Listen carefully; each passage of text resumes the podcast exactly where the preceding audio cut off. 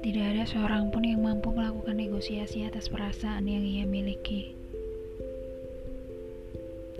Termasuk bagaimana aku mencintaimu ataupun bagaimana kamu mencintainya.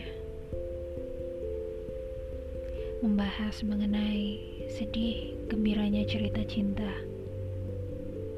ataupun bagaimana cinta bisa menjadi berkah sekaligus musibah. Podcast ini hadir menjadi obat bagi hati-hati yang patah. Setiap minggunya bersama podcast Buih Rindu.